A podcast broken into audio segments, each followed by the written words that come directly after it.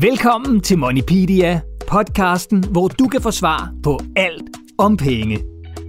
Hvor kommer pengene fra? Hvor meget fylder en million? Hvem er den rigeste i verden? Og hvorfor er det egentlig dronningen og ikke Alexander Husum, der er på pengesedlerne? Du stiller spørgsmålene, og jeg skaffer svarene. Jeg hedder Morten, og jeg har en rød glødende hotline til dem, der ved allermest om penge i hele verden. Lige fra millionærer over bankfolk til dem, der trykker 100 kronsedlerne. Så har du et spørgsmål om penge, så send det til os på moneypedia Så er det måske dig, der får svar. Og i denne episode, ja der kan du møde Sofia på 8, der gerne vil vide, om det er sjovt at være rig. Josefine vil gerne vide, hvor mange penge dronningen har.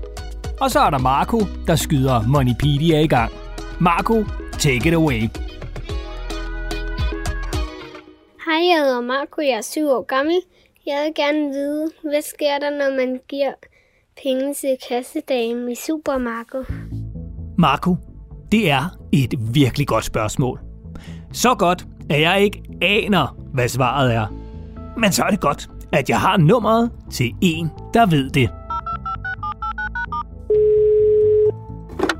Jeg hedder Mads Nysted, og jeg er 53 år, og jeg er salgsdirektør i Rema 1000. Det vil sige, at jeg har ansvaret for vores 357 butikker i Danmark. Okay, en rimelig vild type. Mads her har altså ansvaret for Rema 1000's 357 butikker i Danmark. Så han må om nogen vide, hvad der sker med pengene, når man afleverer dem til kassedamen. Eller manden. Men inden Mads fik ansvaret for 357 butikker i Danmark, har han jo også været et barn.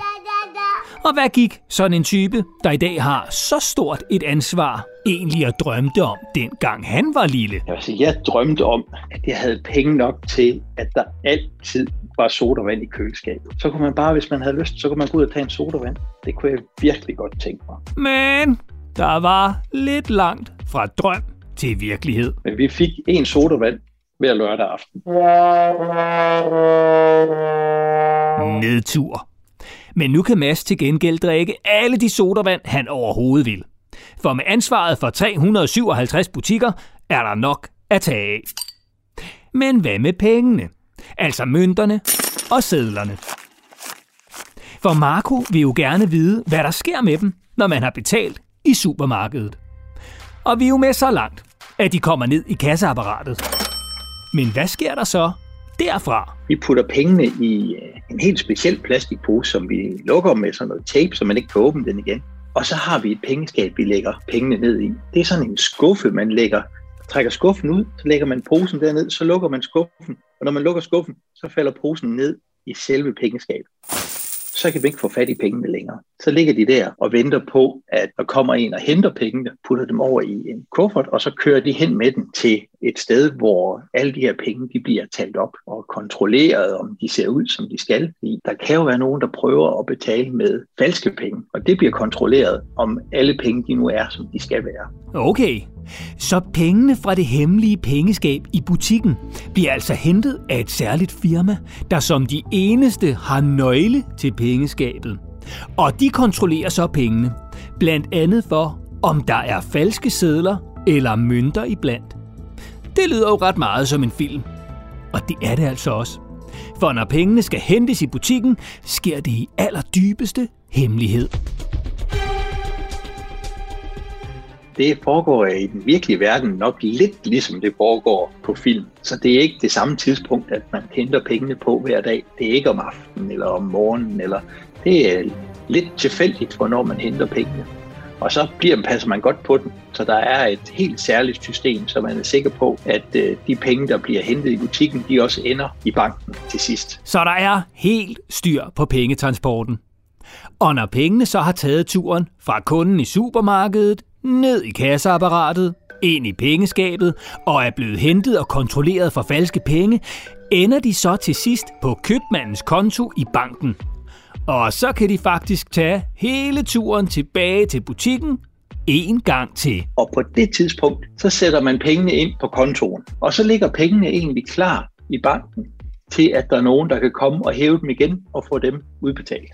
og så kan man gå ned og betale med dem i butikken igen. Så der er egentlig ikke en endestation for penge, før man siger, at nu er de blevet for slidt, nu kan vi ikke bruge dem længere. Åh, stop lige en halv. Altså penge, der er blevet for slidte, og penge, der ikke kan bruges mere. Det lyder jo ret skørt.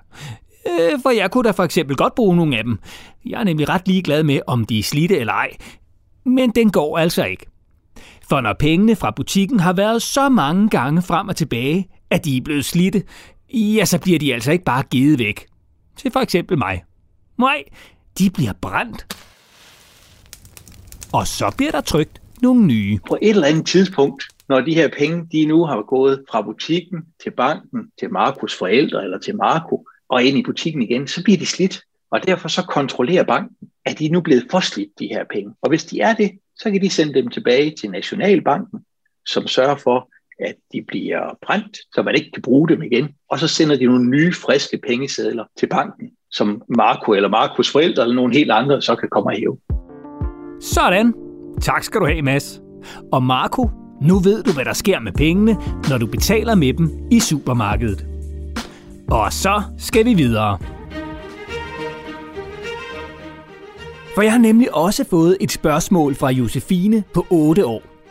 Og nu bliver det ret fint, fornemt og kongeligt. Josefine, mikrofonen er din. Hej, jeg hedder Josefine, og jeg er 8 år gammel. Mit spørgsmål er, hvor mange penge har dronningen? Fordi at hun ser rigtig, rigtig rig ud, så jeg vil rigtig gerne vide det. Okay, det er altså et godt spørgsmål, Josefine. Og du er landet det helt rigtige sted. For i min telefonbog har jeg selvfølgelig også nummeret på en, der kan svare på lige præcis det spørgsmål. Mit navn det er Trine Larsen. Jeg er journalist, og jeg skriver på et øh, ugeblad, der hedder Billedbladet. Og en af dem, som jeg skriver allermest om, det er dronning Margrethe. Jeg har i hvert fald nok interviewet hende ja, mere end 25 gange. Så er der nogen, der ved noget om dronning Margrethe? Ja, så er det altså Trine. Og lidt kongelig har man jo lov at være. Så Trine deler selvfølgelig også en hobby med dronningen. De har nemlig begge små hunde. Og Trines hund hedder Luna. Det er sådan en, man lige kan løfte op og have med alle steder og have en taske. Og forhåbentlig kan hun også komme med på arbejde en gang imellem, når jeg skal interviewe dronningen. Dronningen har jo også to hunde, så øhm, både dronningen og jeg elsker hunde. Og så kan vi jo meget passende lave en smuk overgang fra hund til hund. Rødkronsedler. For Josefine, hun vil jo gerne vide, hvor mange penge dronningen har. Ja, det er et rigtig godt spørgsmål, som Josefine har stillet. Det er lidt svært at sige helt præcist, hvor mange penge hun har. Fordi jeg har jo ikke øh, adgang til at vide, hvor mange penge hun har sparet op. Men jeg kan sige så meget, at hvert år får dronningen penge fra staten. Det er sådan, at øh, det er danskerne, det er alle, alle os danskere, der betaler dronningens løn, kan man sige. Og dronningens løn, det hedder apanage. Og i år fik hun næsten 90 millioner. Det er rigtig, rigtig mange penge. Okay, stop lige en halv. 90 millioner kroner. Det er jo sygt mange penge. Men selvom det er mange penge, og man kunne købe helt vildt mange fodboldplakater, stjernekikkerter og vingummibamser for 90 millioner, ja, så har dronningen altså også en hel del mere at bruge pengene på, end bare sig selv. Blandt andet skal hun bruge de mange penge til at betale løn til sine mange, mange ansatte. Dronningen har omkring 100 ansatte. Det er rengøringspersonale, det er stuepiger, så er det kokke, så er det chauffører til at køre hendes biler, nogen til at passe hestene i stallen, nogen til at passe slottene. Hun har rigtig, rigtig mange mennesker ansat til at ordne alle de ting, som hun ikke selv både når, og som øh, man ikke gør, når man er dronning, fordi hun er altså den fineste, og hun skal lave så mange andre ting, end at pusse vinduer og lave mad. Så dronningen bruger altså en del af sine penge på at betale løn til sine ansatte. som jo altså hjælper dronningen med at holde alle slottene ved lige, så der kan være pænt og ordentligt, hvis du og jeg nu en dag skulle blive inviteret på te. Dronningen bor meget fint. Der er det altså med fine tapeter og nogle meget, meget fine vægge. Og nogle af dem, der er buld på, og øh, så har hun fine stole. Og så står der store, store vaser. Der er plads til en masse blomster i. Jeg vil sige, hun bor altså meget, meget pænt. Jeg ved ikke med dig, men jeg venter spændt på en invitation, for jeg gad dele med godt til te hos dronningen og se, hvordan hun bor i virkeligheden. Og skulle det ske, ja, så er det jo mere at klæde sig pænt på. Og dronningen, hun forstår at klæde sig pænt. Hun går i de fineste kjoler og er iført de mest overdådige og glitrende smykker, når der er fest. Og ved du hvad? Både du og jeg ejer faktisk en del af dronningens allerfineste smykker. Hvad det har? Hendes tøj ejer hun selv, og det bruger hun også rigtig mange af sine penge på, fordi det er selvfølgelig ikke billigt at få lavet sådan nogle fine kjoler, som dronningen har på til festerne. Men øh, smykkerne, der har hun selvfølgelig nogle private smykker. Hun har nogle meget, meget smukke, fine smykker, som hun har arvet fra sin mor. Men ellers er nogle af de aller, aller fineste smykker, dronningen har, det er smykker, der tilhører os alle sammen. Jep, den er god nok. De allerfineste smykker, de hedder kronjuvelerne. Og de er faktisk også en lille bitte smule dine og mine. For lige kronjuvelerne, ja, de er faktisk ikke ejet af dronningen, men af hele Danmark. Og det er jo også dig og mig. Og har du lyst, kan du se dronningens mest dyrebare smykker med dine egne øjne. Dem kan man gå ind på Rosenborg Slot i København øh, og se, de er udstillet derinde, så når dronningen ikke har dem på, så er de derinde, sådan, så vi alle sammen kan se dem og se, hvor fine de er og glæde os over dem. Det er en skat, som vi alle sammen har, men som altså dronningen får lov at bruge, mens hun er dronning. Tak for det, Trine. Og med to spørgsmål besvaret, er der et tilbage. Og det kommer fra Sofia på 8 år. Og Sofia, ja, hun spekulerer over en helt bestemt ting. Hej, jeg hedder Sofie. Jeg er 8 år, og jeg vil gerne vide, om det er sjovt at være rig. Det er del med også et godt spørgsmål, Sofia. Jeg vil ønske, at jeg kunne svare, men da jeg mest er rig på nullermænd under sengen, ja, så kræver det jo altså, at vi får fat i en rigtig rig person. Altså en, der har mange penge. Og sådan en har jeg selvfølgelig også nummeret på. Hej, jeg hedder Birgit Åby, og jeg er 52 år gammel, og jeg lever af at være mentor for de investeringer, jeg har lavet igennem de sidste øh, 5-6 år. Birgit har været med i DR1-programmet Løvens Hule, hvor hun har brugt nogle af sine mange penge på at investere i virksomheder. Og dem er hun nu mentor for. Det vil sige, at hun hjælper dem og giver dem gode råd, så virksomhederne kan vokse sig store og få masser af kunder. Men det er altså ikke kun virksomheder, som Birgit gennem tiden har brugt penge på. Birgit, hun er nemlig vild med biler. Og når nu man er rig, ja, så kan man jo købe lige præcis de biler, man drømmer om. Ja, jeg starter med Porsche, og så har jeg haft Aston Martin, og så har jeg haft den her 8, og så jeg har haft sådan nogle sådan lidt vilde sportsvogne på et tidspunkt, og det synes jeg var, var sjovt i starten. Det holdt op med at være sjovt, men øh, det var meget skægt i starten at have de her store fine racerbiler, som man drømmer om, da man var lille. Og med vind i håret og masser af hestekræfter under kølerhjelmen, drøner vi videre til det, det faktisk handler om. Nemlig Sofia, der spørger, om det er sjovt at være rig. Åh, om det er sjovt at være rig. Det, det er at være, man kan sige, når man er rig, så har man en frihed. Og det er sådan set det, der er det rareste, synes jeg, at være rig, det er, at jeg ikke skal spekulere på, når jeg skal ned og handle, om jeg kan købe øh, en bøf til aften, eller jeg kun kan spise havregrød. Så det sjoveste ved at være rig, altså, øh, det er faktisk det, at du ikke skal spekulere så meget på, hvad du køber, og hvornår du køber det, og du skal ikke tænke på, om du har råd til at betale husleje næste måned.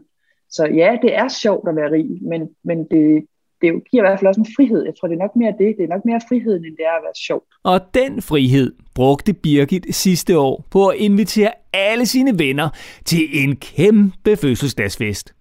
Og det var altså ikke en hvilken som helst fest. Birgit, hun havde nemlig lejet et helt hotel og holdt sin egen festival. Og en festival, ja, det er lidt ligesom et stort gymnastikstævne, bare med scener, masser af bands og musikere, der spiller, og mad og drikke i lange baner. Ret blæret. Sidste år, der inviterede jeg alle mine venner øh, til Skanderborg og holde min egen lille Skanderborg Festival.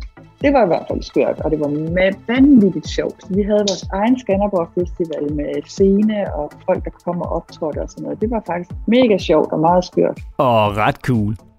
Men selvom både biler, fødselsdagsfestivaler og masser af penge på bankkontoen lyder fedt og mega rigt, ja, så er det faktisk ikke det, der er det allervigtigste.